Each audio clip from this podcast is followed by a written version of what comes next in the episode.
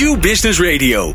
Let's Talk Business. Met nu People Power met Glen van der Burg. People Power is een programma over de kracht van mensen in organisaties. Met interviews en laatste inzichten voor betere prestaties en gelukkige mensen. Deze week gaat Glen van der Burg in gesprek met... Bert Roelofs, manager HR van Gelre Ziekenhuizen en Judith Winkel van het Antonius Ziekenhuis. Denk jij dat in jouw organisatie meer werkenergie aanwezig is dan nu wordt benut? En hoeveel procent denk je dan, als je daar nou eens een inschatting van zou moeten maken? Hoe, hoe hoog? Wat voor cijfer heb je in je hoofd? Hoe zorg je ervoor dat jouw collega's nog veel meer van zichzelf kunnen geven dan ze nu kunnen doen? En, en dat is niet heel onbelangrijk, hoe zorg je ervoor dat het werk energie geeft in plaats van dat het alleen maar energie kost? In deze aflevering van People Power gaan we dat onderzoeken. En dan hebben we ook nog onze vraagbaak met professor Rick van Baren. En dan gaan we het hebben over het belang van veiligheid in organisaties. Wil jij nou de laatste aflevering van People Power op je smartphone? Dan kan dat natuurlijk via WhatsApp.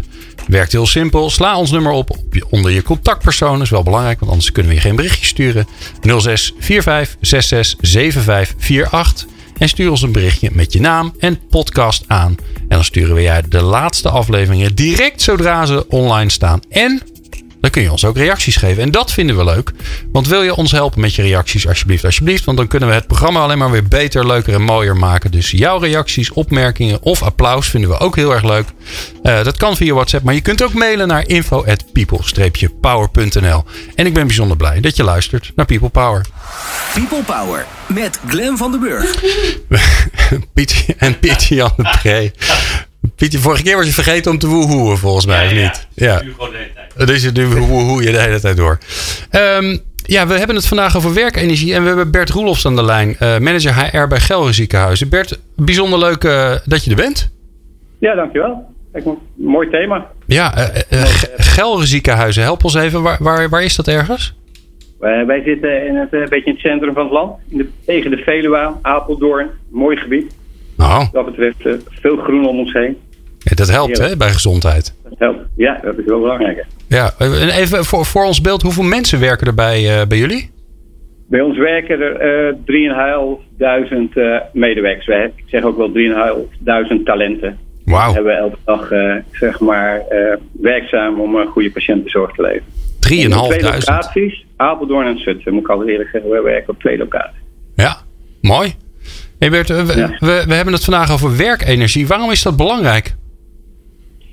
Uh, ja, ik, belang is, wij leveren elke dag denk ik hele uh, zware patiëntenzorg. Ik denk uh, iedereen heeft het erover, de werkdruk uh, in, in, ziekenhuizen. En um, ik denk dat het belangrijk is dat iedere medewerker, waar je ook werkt, elke dag weer met volle energie kan starten. Met volle zin zijn werk kan doen.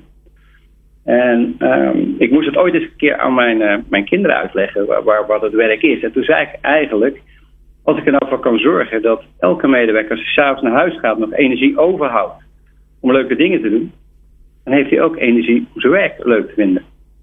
Volgens mij is dat wel de belangrijkste zaak waar we nu voor moeten staan. Zorgen dat mensen gewoon met passie uh, en energie elke dag gewoon hele goede patiëntenzorg kunnen leveren. Want dan zijn onze patiënten ook tevreden. Die, die hebben die goede zorg nodig. Dan moeten we toch wat dingen doen om mensen die energie vast te blijven houden. Ja. Ik vind het een mooier woord, energie geven, dan duurzaam inzetbaar. Ja, hè? Ja, wij zijn, ja. wij zijn er zelf ook heel blij mee. Want het is natuurlijk dat duurzame inzetbaarheid, daar krijg je geen energie van. Dat, uh, dat kan niet de bedoeling zijn. Hey, en, nee, um, stel, stel, je voor dat het niet zou lukken, hè? Om, om maar even naar de dark side te gaan. Stel je voor dat het niet ja. zou lukken om die werkenergie uh, uh, erin te houden. Wat gebeurt er dan bij jullie? Wat gaat er dan mis? Nou, uh, weet je, dan uiteindelijk zie ik het altijd als, als, je, als je een vlam hebt en je hebt brandstof zuurstof nodig en je, je geeft geen zuurstof, ik noem dat met de energie, dan gaat die vlam dood. Dan kan je niet koken, dan kan je niet eten, weet je. Als de accu rij, als je dat niet hebt, dan rijdt hij niet. En dat is bij ons denk ik ook zo.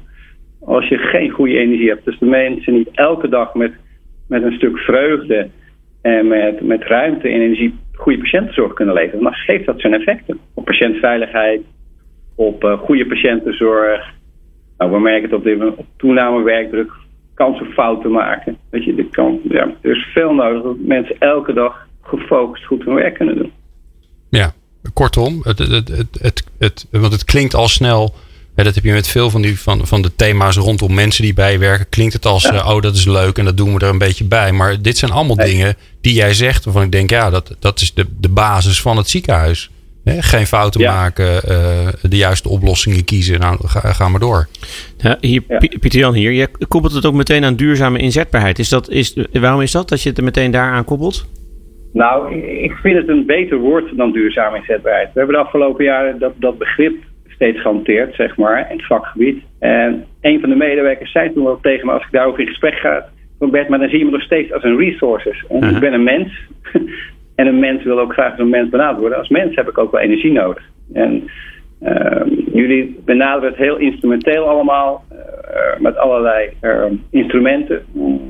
Maar probeer contact met mij als mens te hebben. En ik heb wel oplossingen hoe we aan mijn energie kunnen werken. En dat vond ik wel een van de belangrijkste inzichten die ik had. En dan is het toch het hart gewoon van je personeelsbeleid, of hoe je het ook noemt. Ja, precies. Dus, dus die ja, koppeling. elke dag genereren. Dus die koppeling maakte jij zelf, hebben jullie zelf eigenlijk al gemaakt daardoor? Ja, ja. Mooi.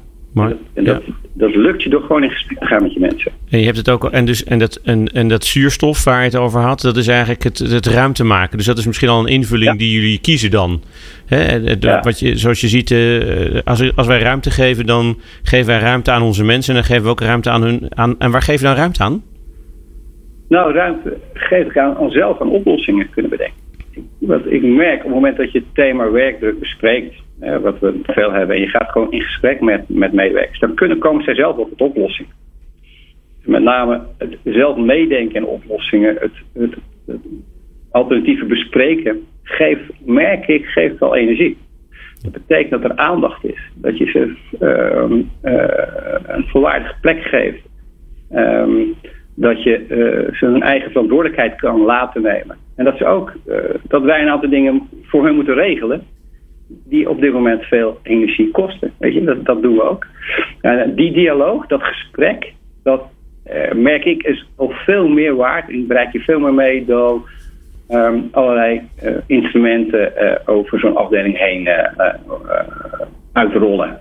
En ik denk dat daar een beetje iedereen de laatste tijd ook een beetje ziek van aan het worden is. Laat ik het zo formuleren. Nou, dat bevordert in ieder geval geen energie. Kan je mij wat voorbeelden geven van, van hoe jullie die dialoog vormgeven en organiseren? Want dat is inderdaad een, uh, denk ik, vaak een toverwoord. We horen dat natuurlijk vaker. En, en ik ben ook steeds nieuwsgieriger hoe je dat dan doet als organisatie. Formaliseer je dat? Of is dat, hè, van dialoog is een, nou, hoe, hoe doen jullie dat? Uh, dit is een zwaar woord. Ik uh, doe het zelf, maar ook met mijn, mijn eigen mensen, is uh, het gesprek aangaan. Letterlijk de afdeling opgaan, samen met een afdelingshoofd of een leidinggever. En met je medewerkers gepraat, wat is de situatie? Uh, we hebben laatst al die brandbrief gehad op spoedeisende hulpen. is er grote werkdruk? Ja, en volgens mij moet je dan van je stoel afstappen. En dat doen we in gesprek gaan met de medewerkers. Oké, wat is er? Wat kunnen we doen? Hoe kunnen we je helpen? Wat hebben jullie nodig? Uh, uh, wat kunnen we faciliteren? En uh, weet je, dat letterlijk ze opzoeken, in gesprek gaan. Het is niet moeilijker dan dat. Eh, van. En, en dat helpt. En dan krijg je heel veel leuke ideeën. En, Zoals? En dan kan je ook uitleggen. Nou, dat kan zijn dat sommige procedures wat lastig zijn. dat kan zijn dat je als team merkt, het ene team heeft wat meer en die willen graag wat meer fitnessmogelijkheden hebben. Het andere team wil CEO we hebben wat ontwikkeling nodig. We merken dat wij, uh, het is ook stressvol als je, je kennis niet op peil is. Weet je, dat kan per individu en per afdeling verschillen per team. En dat maatwerk, dat ze dat voelen, uh, dat geeft teams ruimte. Dat geeft teams energie. Dat geeft mensen energie. Als je er zelf toe doet, en Bert, hoe doe, je, hoe doe je dat met 3500 100 mensen? Want uh, uh, ik, ik snap helemaal wat je zegt. Hè? Elk team, elk individu heeft nou net weer iets anders nodig, ja. waardoor, die, waardoor die energie weer gaat stromen. Hè? Iets wat je weghaalt, of iets wat je toevoegt, of ja. iets wat je verandert. maar ja, ehm, de gemiddelde grote organisatie ja, die, uh, die heeft da inderdaad duizenden mensen. En die, die ziet daar, dat daardoor niet meer. En dus gaan ze uh, een of andere portal maken met allemaal instrumenten erin die niemand gebruikt. Dus hoe, hoe doe jij dat nou om, om het wel op dat, op dat, zeg maar, dat, dat microniveau voor elkaar te krijgen? Ja, we hebben, ik heb, wat wij doen vooral het leiderschapsprogramma. Ik denk dat het heel belangrijkste is, ik noem dat maar human leadership. Hè. Dan, daarmee gaat het, het aandacht voor de mensen weg van HR Wij noemen dat Human Leadership, menselijk mensgericht leiderschap. En dat is het centrale thema in ons hele leiderschapsprogramma. Ehm, wij doen daar, nodigen al onze leidinggevende inspiratiesessies uit. Binnenkort hebben wij uh, Wouter, Wouter Hart, die praat over de bedoeling en de verdraaide organisatie.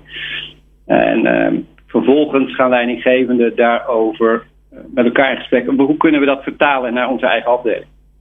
En daar, dat begeleiden we. Daar, daar, doen we mee, daar helpen we ze mee.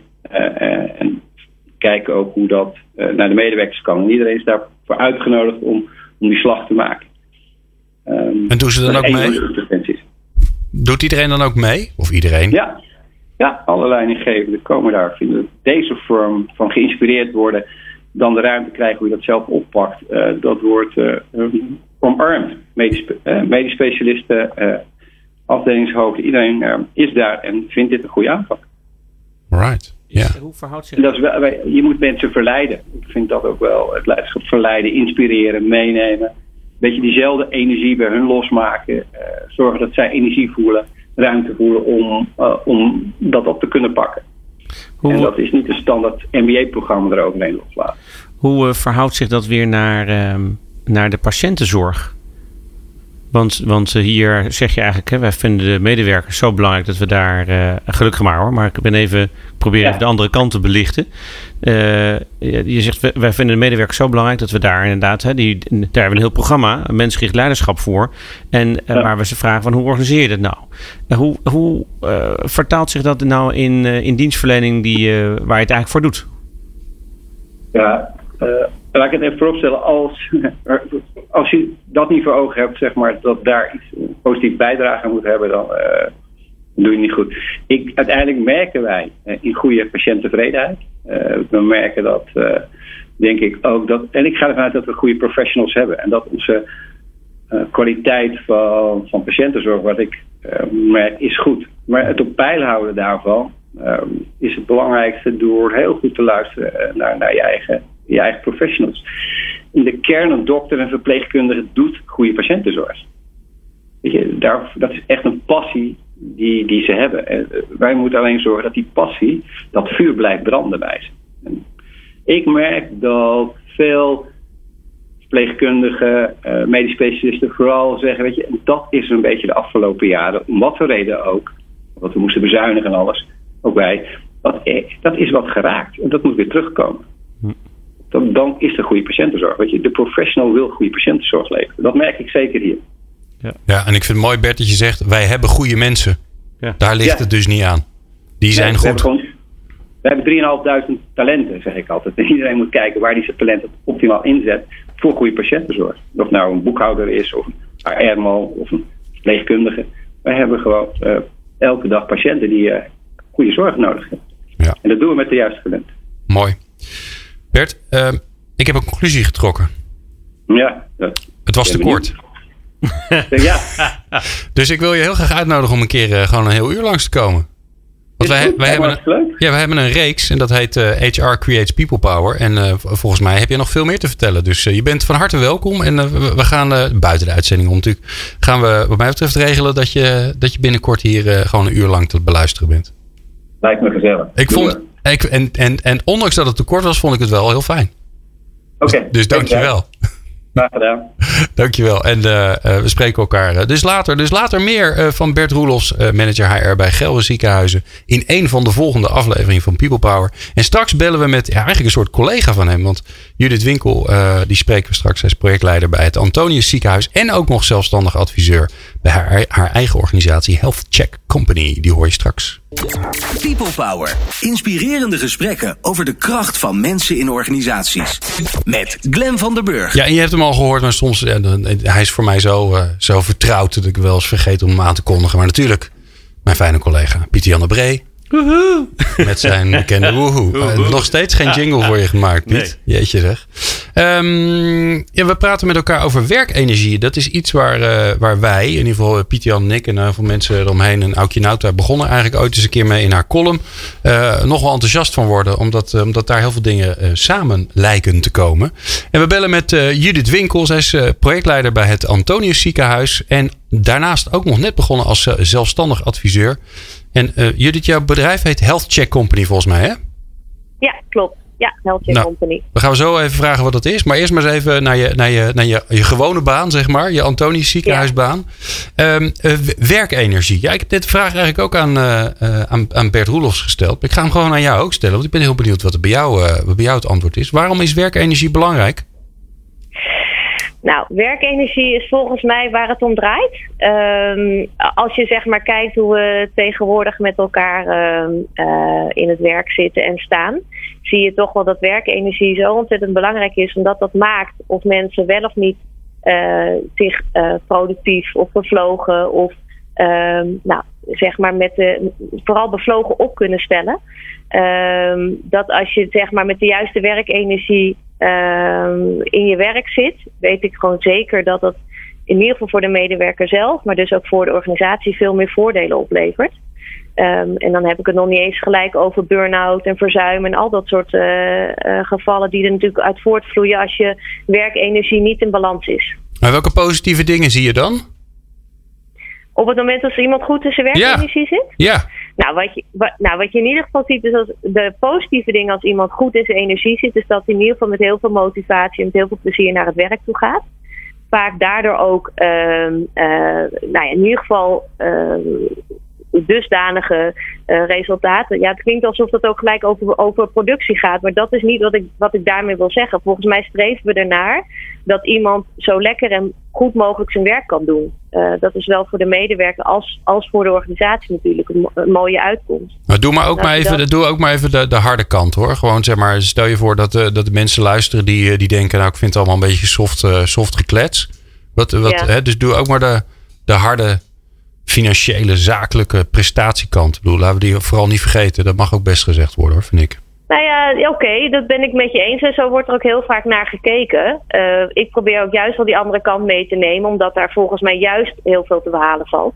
Eh, dat er ook juist wordt gekeken naar die medewerker. Hoe zit hij nou goed in zijn werk? Hoe zorgt hij nou dat hij lekker op zijn plek zit, waardoor hij veel energie heeft? Aan de andere kant, als je naar de harde, harde kant kijkt, is er wel inderdaad ook bewezen dat als iemand goed in zijn energie zit, dat dat natuurlijk qua productie veel meer oplevert, dat het veel, veel minder fouten geeft. Eh, dat het uiteindelijk dus alleen maar ten, ten, ten baat is van, je, van de organisatie. Eh, dus ja, dus het is eh, beide kanten.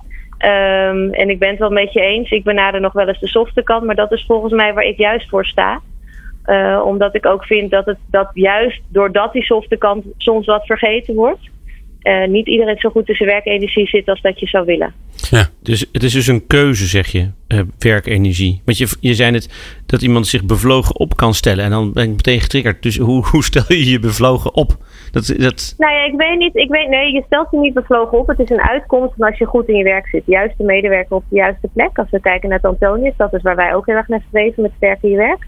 Dat project. Eh, een van de doelen is onder andere dus de juiste medewerker op de juiste plek. Omdat op het moment dat de juiste medewerker op de juiste plek zit, je ook ziet dat hij vaak bevlogener raakt. Want het heeft te maken met dat je van dan, als je op de juiste plek zit, je ook vaak meer vanuit je eigen talent aan het werk bent.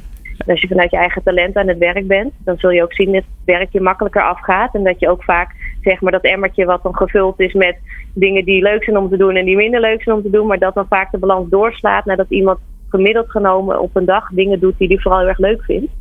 En eh, dat het meer vanzelf gaat. En dat dan ook dus dat gevoel van bevlogenheid ontstaat. En ja, het is deels een keuze. Want ik denk wel dat als jij ervoor kiest eh, om op de juiste plek te zitten, dat vraagt wat zelfonderzoek. Dat vraagt ook bij jezelf ontdekken van wat zijn de dingen die ik leuk vind om te doen. Aan de andere kant ben ik er ook wel van bewust dat niet iedereen die keuze altijd maar heeft. Omdat er soms ook andere dingen meespelen, zoals eventueel eh, nou situatie thuis of andere financiële zaken, waardoor je niet altijd meteen kan zeggen: ik ga helemaal voor mijn eigen passie.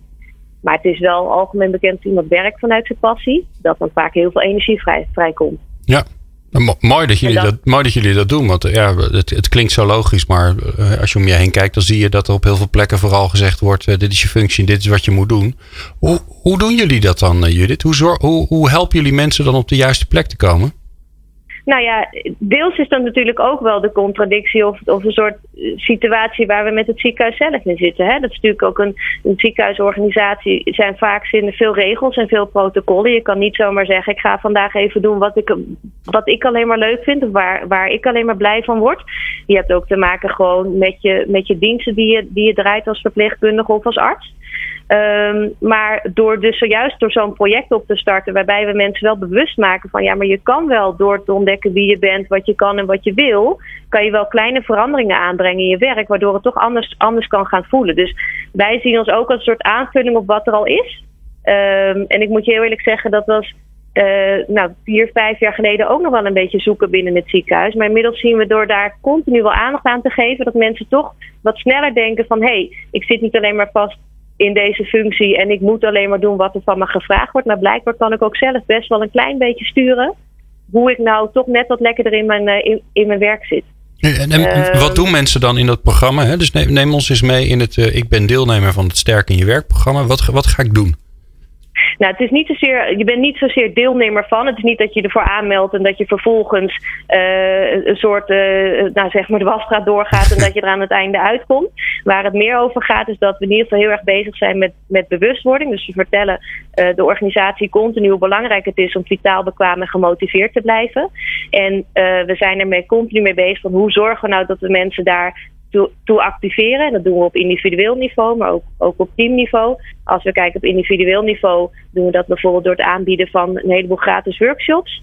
Uh, bijvoorbeeld op het gebied van uh, grenzen stellen, op het gebied van, gebied van omgaan met veranderingen, uh, de ouder wordende medewerker. Nou, daar kunnen mensen zich gratis voor aanmelden en die kunnen dan meedoen, waardoor ze toch net weer wat andere handvaten krijgen om, om, om tegen hun eigen situatie of met hun eigen situatie om te gaan.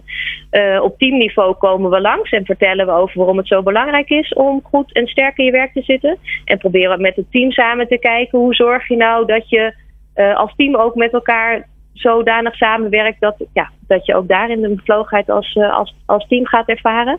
Uh, dus het is vooral heel veel aandacht geven aan het onderwerp, heel veel vertellen hoe belangrijk het is. En dat is weder natuurlijk door wat, wat we gewoon weten. Dat, uh, nou ja, je kan ze onderhand, eh, je, je kan ze overal terugvinden over de technologische veranderingen. Dat je tegenwoordig tot je zeventigste door moet werken. Ehm, weet je, het is gewoon niet meer zo vanzelfsprekend dat jij zoals het vroeger was, in een baan komt, dat je daar zoveel jaren werkt en dat je daarna afscheid neemt. Er wordt gewoon veel meer van je gevraagd. En um, wij willen gewoon voorkomen dat de medewerkers in het ziekenhuis het gevoel hebben dat ze dat ze alleen maar, alleen maar uh, overgeleverd zijn aan wat hun overkomt. Maar dat ze best wel een stukje zelfregie, kunnen pakken. En die zelfregie is ook ontzettend belangrijk. Dus naast het activeren van de medewerkers stimuleren we ook zelfregie. En wat ik net begreep, uh, in het vorige gesprek ging het ook over dialoogvoering. Dat is ook een van de pijlers waar we, waar we ons op richten. Ja, dat wilde ik je net vragen. Want, ik, want vitaal, bekwaam en gemotiveerd. En je hebt het over vertellen. In hoeverre wordt het nou, uh, is het nog wel nodig, dat vertellen? Nou, heel erg nodig. Want ik denk dat heel veel mensen zich toch niet, nog niet zo bewust zijn van uh, ik ben misschien niet zo tevreden met hoe het nu is, maar ik weet niet hoe ik daar verder verandering aan, in, in aan kan brengen. En wat je dan toch ziet gebeuren is dat mensen wat achterover gaan leunen en eerder om zich heen gaan kijken en een beetje nou ja, gaan klagen of misschien de schuld bij een ander neer gaan leggen. Um, terwijl wij juist willen laten zien dat je um, juist door uh, zelf na te gaan denken over wat jij wil, best wel wat invloed uit kunt oefenen. En um, ik denk dat, een, dat, dat heel veel mensen met alle respect dat nog best wel eens lastig vinden, want veranderen doe je ook niet zomaar even kiezen voor een andere baan of even kiezen voor het gesprek met je leidinggevende over dat het misschien niet helemaal lekker loopt. Dat is toch vaak wel iets kwetsbaars. En ik denk dat daar nog wel heel veel te winnen valt. Dus echt die drempel overgaan van oké, ik zit misschien nu niet lekker, maar hoe kom ik dan op een positie, hoe kom ik dan in de positie dat ik me wel lekker in mijn, in mijn werk voel? Judith, ik denk dat daar, heb je een ja? voorbeeld? Van, van iemand waarvan je zegt van nou, die, uh, uh, die deed eerst A en, uh, en, en, en, ja. toen, en toen ging hij nadenken en toen ging hij een workshop doen of misschien ja. op de, op de hei lopen. Toen deed hij B. Nou, ja, ongeveer. Nee, wat we, wat we wel... Ja, precies, dat het laat. Nee, wat we, wat we wel gezien hebben is dat sowieso heel veel... We hebben ook, zeg maar, een ambassadeursgroep. Dat zijn de mensen die uh, hebben zich verbonden aan het project en aan de gedachtegang van Sterk die werken. En die, die zijn zeg maar een soort van linking pin noem je dat dan tussen, tussen het project en de afdeling. Ja. En wat je ziet is, die, vooral die ambassadeurs, die zijn dus eens in de drie maanden komen bij elkaar en hebben het altijd weer over het onderwerp sterk in je werk. Hoe, hoe doen we dat? Wat vinden we ervan? Et cetera. Je ziet dat onder die ambassadeurs dat er heel veel beweging is gekomen. Dus die echt kiezen om banen stop te zetten, uh, opleidingen te gaan doen of wat dan ook. Uh, heel maar doe er eens één. Ja. Doe nou, ik wil zeggen heel concreet iemand bij ons bij HR. Die uh, zat op een administratieve functie. En die was daar toch wel heel erg in, ja, een beetje aan het, ja, die kon niet helemaal de weg erin vinden. Die heeft uiteindelijk heeft ze onder het mom van Sterker Je Werk een talentanalyse gedaan. En daar kwam ze achter dat ze eigenlijk wat ze thuis al heel erg leuk vond om te doen om illustraties te maken. Ze is erover in gesprek gegaan met de leidinggevende. En uiteindelijk is ze nu onderdeel geworden van het communicatieteam. Eh, en mag ze dus illustraties gaan vormgeven. Naast nog een deel ad- administratief werk.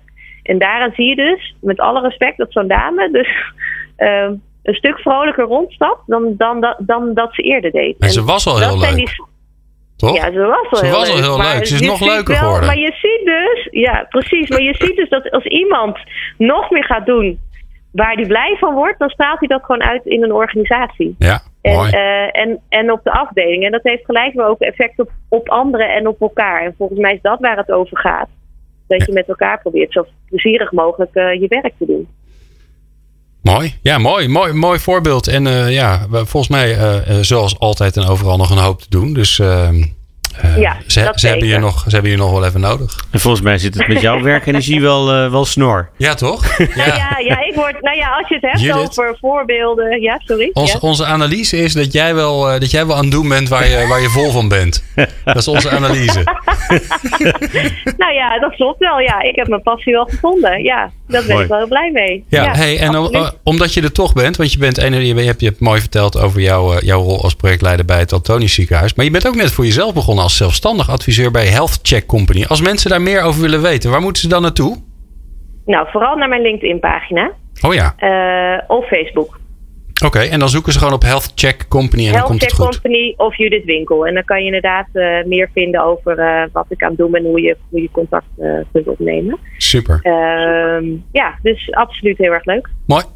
Mag jou bijzonder bedanken. Judith Winkel, projectleider bij Antonius Ziekenhuis. En sinds zeer kort zelfstandig adviseur bij Health Check Company. Ga het vooral zoeken op LinkedIn en natuurlijk op Facebook. Dankjewel Judith. People Power met Glen van der Burg. Meer luisteren? people-power.nl Tijd voor eh, onze vraagbaak met eh, professor Rick van Baren, hoogleraar gedragsbeïnvloeding en ondernemer. Eh, Rick, bijzonder welkom. Rick, hoeveel, hoeveel bedrijven heb jij nou eigenlijk ondertussen?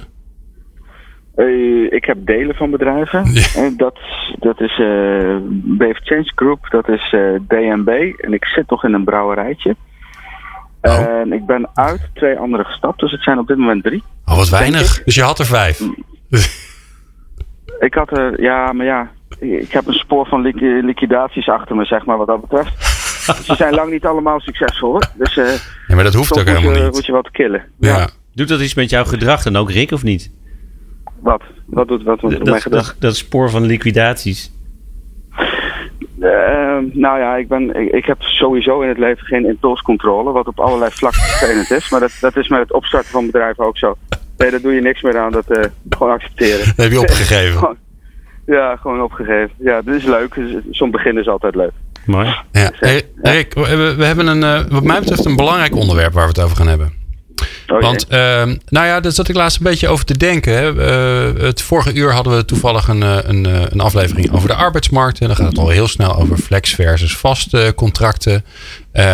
Nou ja, wij houden ons bij People Power voor onze klanten ook veel bezig met organisatieverandering. En nou ja, dan, dan een van de dingen die, die, ik, die ik vaak terug zie komen is dan... Ja, hoe zorgen we er nou voor dat mensen zich veilig voelen? En hoe belangrijk is dat eigenlijk voor mensen? Dat, dat vergeten we maar. We hebben het de hele tijd maar over agile en wendbaar en, en flexibel en innovatie. Maar ja, dat, dat, het, dat kan toch niet de ene kant van de medaille zijn? Dus kan je ons er een nee. beetje bij helpen? Ja, je overvalt me wel een beetje, Glenn. Ehm, ja, als je eh, ja dat, dat is wel een doorn in het oog eh, bij mij. eh. Alles moet, sowieso, alles moet veranderen. En alles moet flexibel, inderdaad. Maar als je, als je teruggaat naar wat mensen nodig hebben in, het, in het leven, vanuit de evolutie gezien, vanuit de opvoeding gezien, dan is veiligheid wel echt een super belangrijk. Hè? Het, veiligheid in verbondenheid met andere mensen en veiligheid in voorspelbaarheid. En als je, als je de, de hersenen als basis neemt, dan is het. Hersenen functioneren het best in, hè, met automatisme, met bekende patronen. eh, alles wat onbekend is, of nieuw is, of anders is, of flexibel is, dat kost energie. Dat moet je interpreteren. Dan moet je scenario's gaan inschatten, eh, bedenken wat het beste is. Dus er zit een hele grote druk in mensen, in de hersenen, in, in de evolutie op veiligheid. Maar het is wel zo dat te veilig, te vast ook weer niet goed is. En ik vind het mooiste voorbeeld daar is uh, hechting. Hechting van kinderen. hoe heb je gezonde kinderen die, die psychisch gezond zijn? als je naar veilige hechting kijkt, dan is dat de basis is veiligheid. Vertrouwen, ik weet als ik een fout maak, er staat iemand achter me. Ik word altijd verzorgd, altijd beschermd. En van daaruit exploreren, durven te ondernemen, nieuwe dingen durven te doen. Dus dat is eigenlijk de basis waarbij ik geloof dat veiligheid nog net iets belangrijker is dan, uh, dan onveiligheid en exploratie. Maar dat, uh, ja, ik weet niet of andere mensen er ook zo over denken. Dus, dus ik denk dat wij dat veel te veel focus zetten op die veranderkant. Terwijl je, uh, ju juist, mensen veranderen het makkelijkst in een veilige omgeving. Wat ik, is dat een antwoord? Ja, zeker. Rick, wat het mij wel eens opvalt als ik mensen in een training heb of een leiderschapsprogramma, is dat de ene het als een voedingsbodem gebruikt. Die veiligheid die hij van thuis heeft gekregen. Want het, is, het is natuurlijk soms prachtig dat de veiligheid en het vertrouwen heel groot is. En die gebruiken het ook als een voedingsbodem om op te groeien. Om inderdaad te mhm. exploreren. En ik zie ook mensen die het uh, gebruiken als een bescherming. Dus dan is als een bescherming? Ja, je, als een bescherming. Dus dan is, het, dan is het, de veiligheid is eigenlijk altijd iets wat ze zoeken is het, het, is dus nooit een, het is dus nooit de voedingsbodem, maar het is eigenlijk altijd de muur om hen heen. Hoe kan dat toch? Ja, ja volgens mij heeft dat dan ook weer met, uh, met die hechting te maken. Exploratie is, is natuurlijk op het moment dat je veilig gehecht bent. Als je die veiligheid al hebt, dan is het veel makkelijker om voorwaarts te gaan. Maar als je op een of andere manier onveiligheid hebt ervaren of nog steeds ervaart, dan is dat juist wat je zoekt. En dat kan met destructief gedrag zijn, dat kan eh, blijven hangen zijn aan mensen met, aan wie je eigenlijk niet moet blijven hangen. Uh, verlatingsangst of dat soort, uh, dat soort zaken, of juist bindingsangst. Dus het, het is eigenlijk het makkelijk. op het moment, voor, voor mij is het een tweetrapsraket. Dus eerst die veiligheid hebben en dan is exploreren um, vanzelfsprekend, omdat je anders ook onderstimulatie krijgt. Mhm. Als alles veilig en voorspelbaar is. Dat is, voor de, dat, is, voor de, is ook een fenomeen. Als je een isole, mensen in een isoleercel die te weinig uh, stimuli hebben, die, die draaien door. Dus je hebt, je hebt dat ook nodig. Maar er zit dus een volgorde in, in, in mijn optiek. En, en, als je die veiligheid niet hebt, ga je hem altijd zoeken. Ja, want, het, want zoeken. je ziet het, de, de, dat, dat hoor je natuurlijk ook vaak mensen zeggen in teams of in binnen organisaties, uh, dat het er niet veilig is of dat het eerst veilig moet zijn. Dat is natuurlijk een, altijd een heel lastig begrip. Ja, ja, ja ik denk wat, wat is een. Wat is, uh, als je de metafoor van, uh, van hechtingstijlen pakt, wat is een veilige ouder, is een voorspelbaar, ja, ja, rechtvaardig iemand. En iemand die, die, die onvoorwaardelijke steun geeft, maar wel grenzen stelt, wel corrigeert. Dus er is wel een model van wat mensen, en ik denk dat je die parallel van de jeugd prima naar volwassenen toe kan, door kan trekken. Er is wel een model voor wat veiligheid is. Mm uh, dus en ik vraag me alleen af, als je, ik, ik, ken dat, misschien is dat wel, zijn er wel mensen die dat doen, maar als je die hechtingstijlen zou doortrekken naar organisaties, wat je dan aantreft. Of dat inderdaad zo is. Ja. Ik denk dat heel veel organisaties zitten op het, uh, eigenlijk in, onbewust op het afstraffen van fouten. En niet zozeer het, uh, het, het, accepteren of accepteren van fouten of dat, dat, dat daar op een normale, verstandige menselijke manier mee om wordt gegaan. Ja. Ik denk dat, dat er best wel veel druk in de organisatie zit tot, tot een hechtingstijl die eigenlijk niet zo goed is. Die niet zo goed is, nee. En die dus die eigenlijk onthechtend werkt en eigenlijk ook doortrekt weer in, in gezinnen zelf. Want het is een patroon wat je meekrijgt. Ja, ja. ja dat, dat, denk ik ook, ja.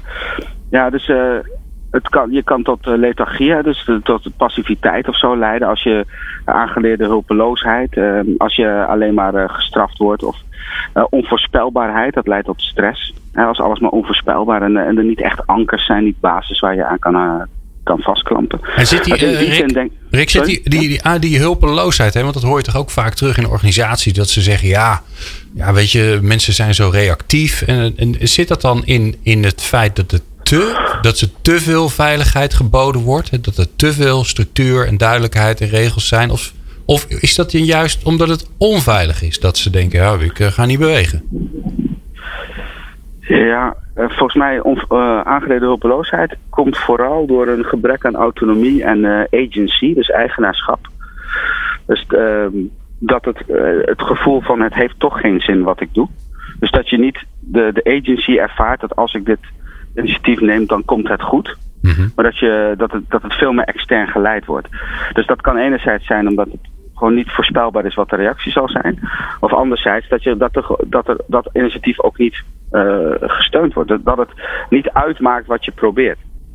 Um, en zeg maar, ja, daar krijg je uh, aangeleerde hulpeloosheid van. En wat moet je dan doen? Het maakt niet uit wat ik doe. Dat, als je kijkt naar het originele onderzoek van aangeleerde hulpeloosheid, uh, wat vooral met honden is gedaan, yeah. dan is het iets is, ja, je kan, je kan proberen wat je wil, maar je voorkomt, je hebt geen invloed, je hebt geen, uh, ja, dat noemen we agency. Mm. Ja. Maar hoe, hoe, dus dat, uh, hoe, kom je daar dan, hoe kom je daar dan uit? Hè? Want uh, ik denk dat in heel veel organisaties die, die veiligheid er niet is, dat heel veel dingen, die, heel veel dingen mogen, mogen, mogen niet of mochten niet. Hè? Want je ziet ook heel veel organisaties nu, die willen juist innovatie, die willen juist dat mensen gaan exploreren. En, ja. en die vergeten volgens mij dat die veilige bodem er moet zijn.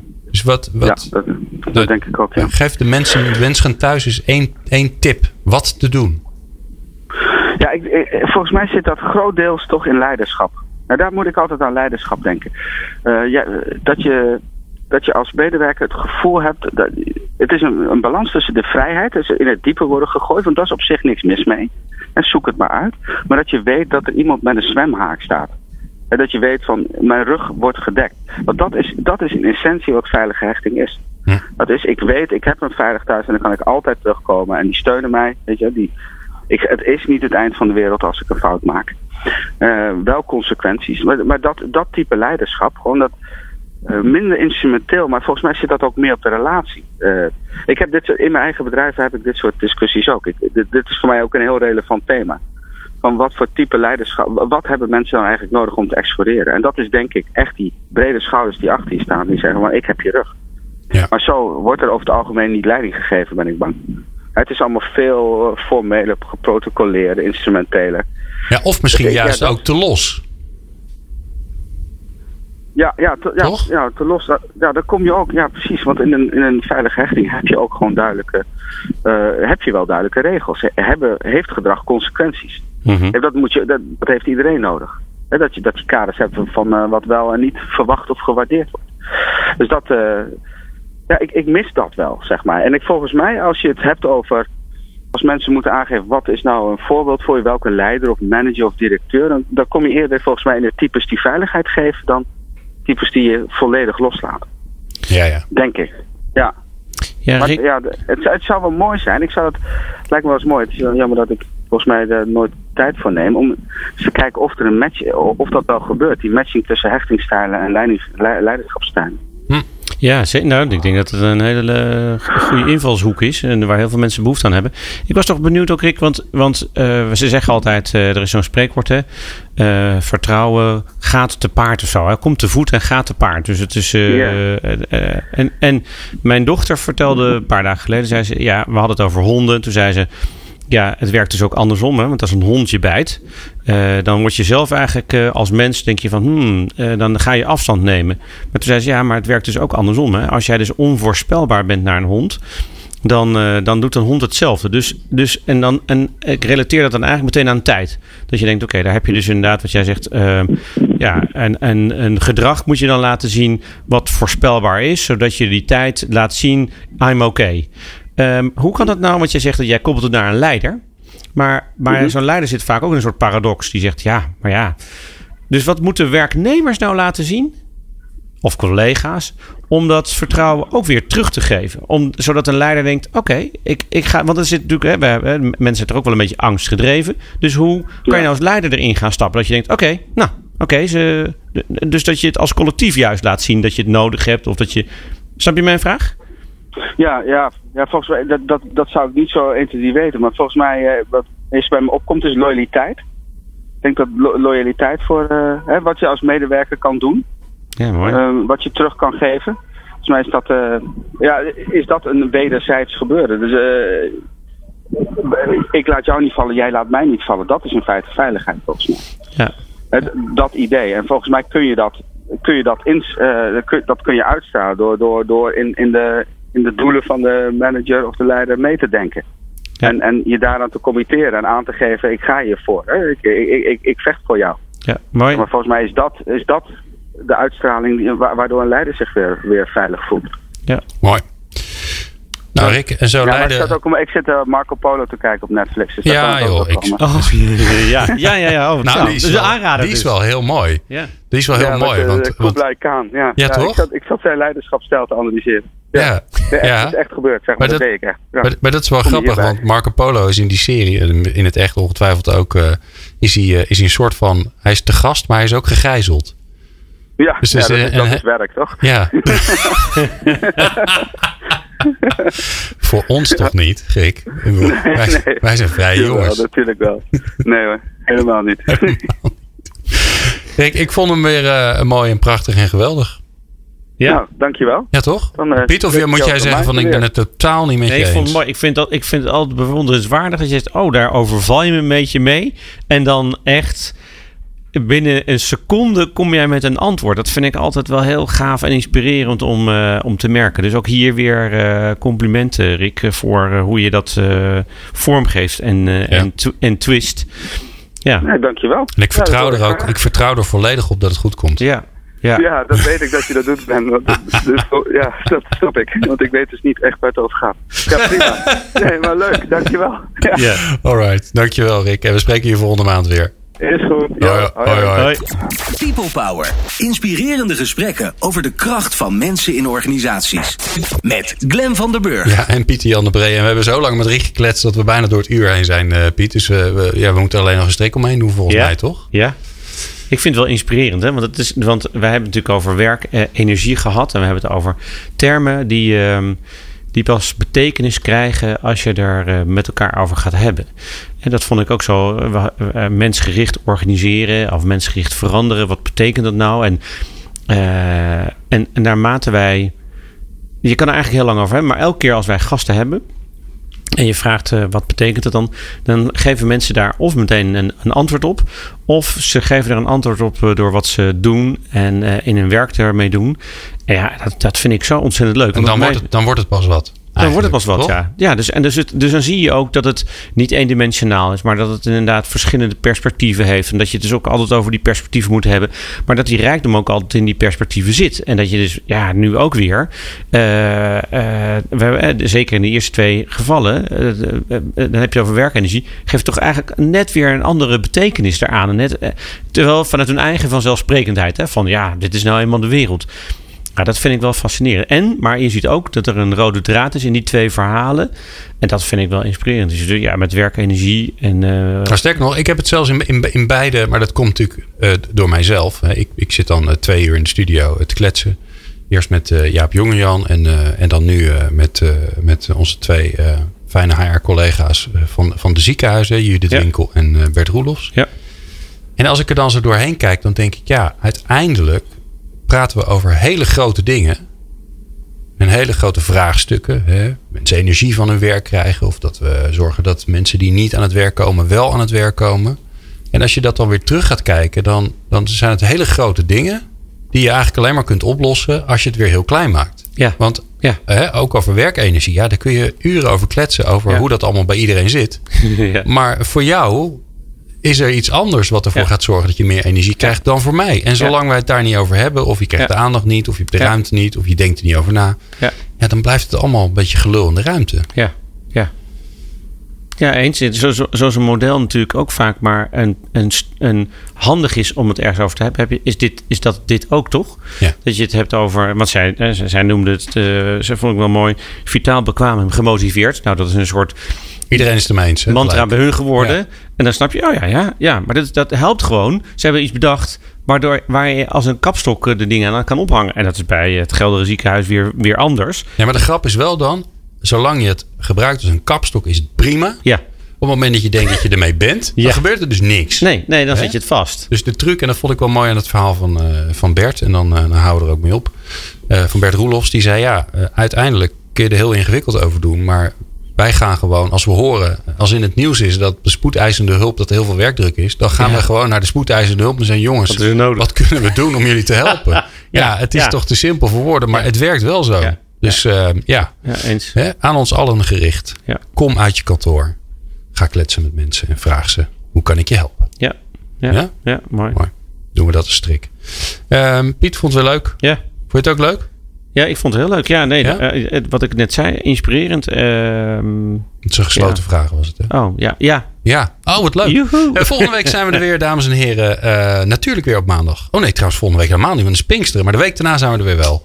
Eh, met een aflevering over betekenisvol werken. En dan gaan we het hebben over de kracht en het belang van plezierig samenwerken. Dat hoor je dan. Mocht je daar niet op kunnen eh, wachten en willen wachten, dan kun je natuurlijk naar onze website peoplepower.radio. En dan kan je nog heel veel afleveringen luisteren. Want Volgens mij was dit 154 en 155. Tom die zit te knikken, onze fantastische redacteur. Dus ik heb het zowaar goed gegokt. Ik vond het fijn dat je luisterde. En ik wens je nog veel plezier met alle andere afleveringen. En eh, tot, eh, tot over twee weken.